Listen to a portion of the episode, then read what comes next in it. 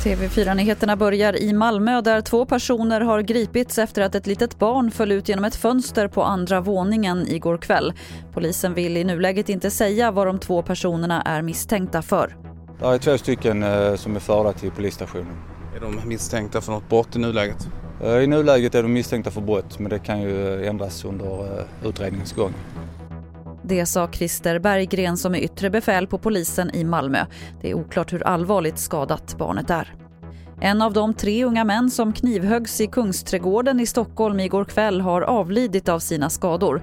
Det var vid 20-tiden som polisen larmades till platsen om ett bråk mellan flera personer.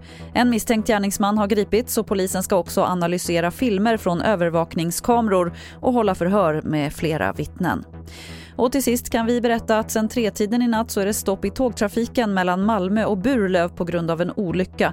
Stoppet påverkar all tågtrafik till och från Malmö och enligt den senaste prognosen från Trafikverket så kommer det att vara stopp ända till imorgon bitti.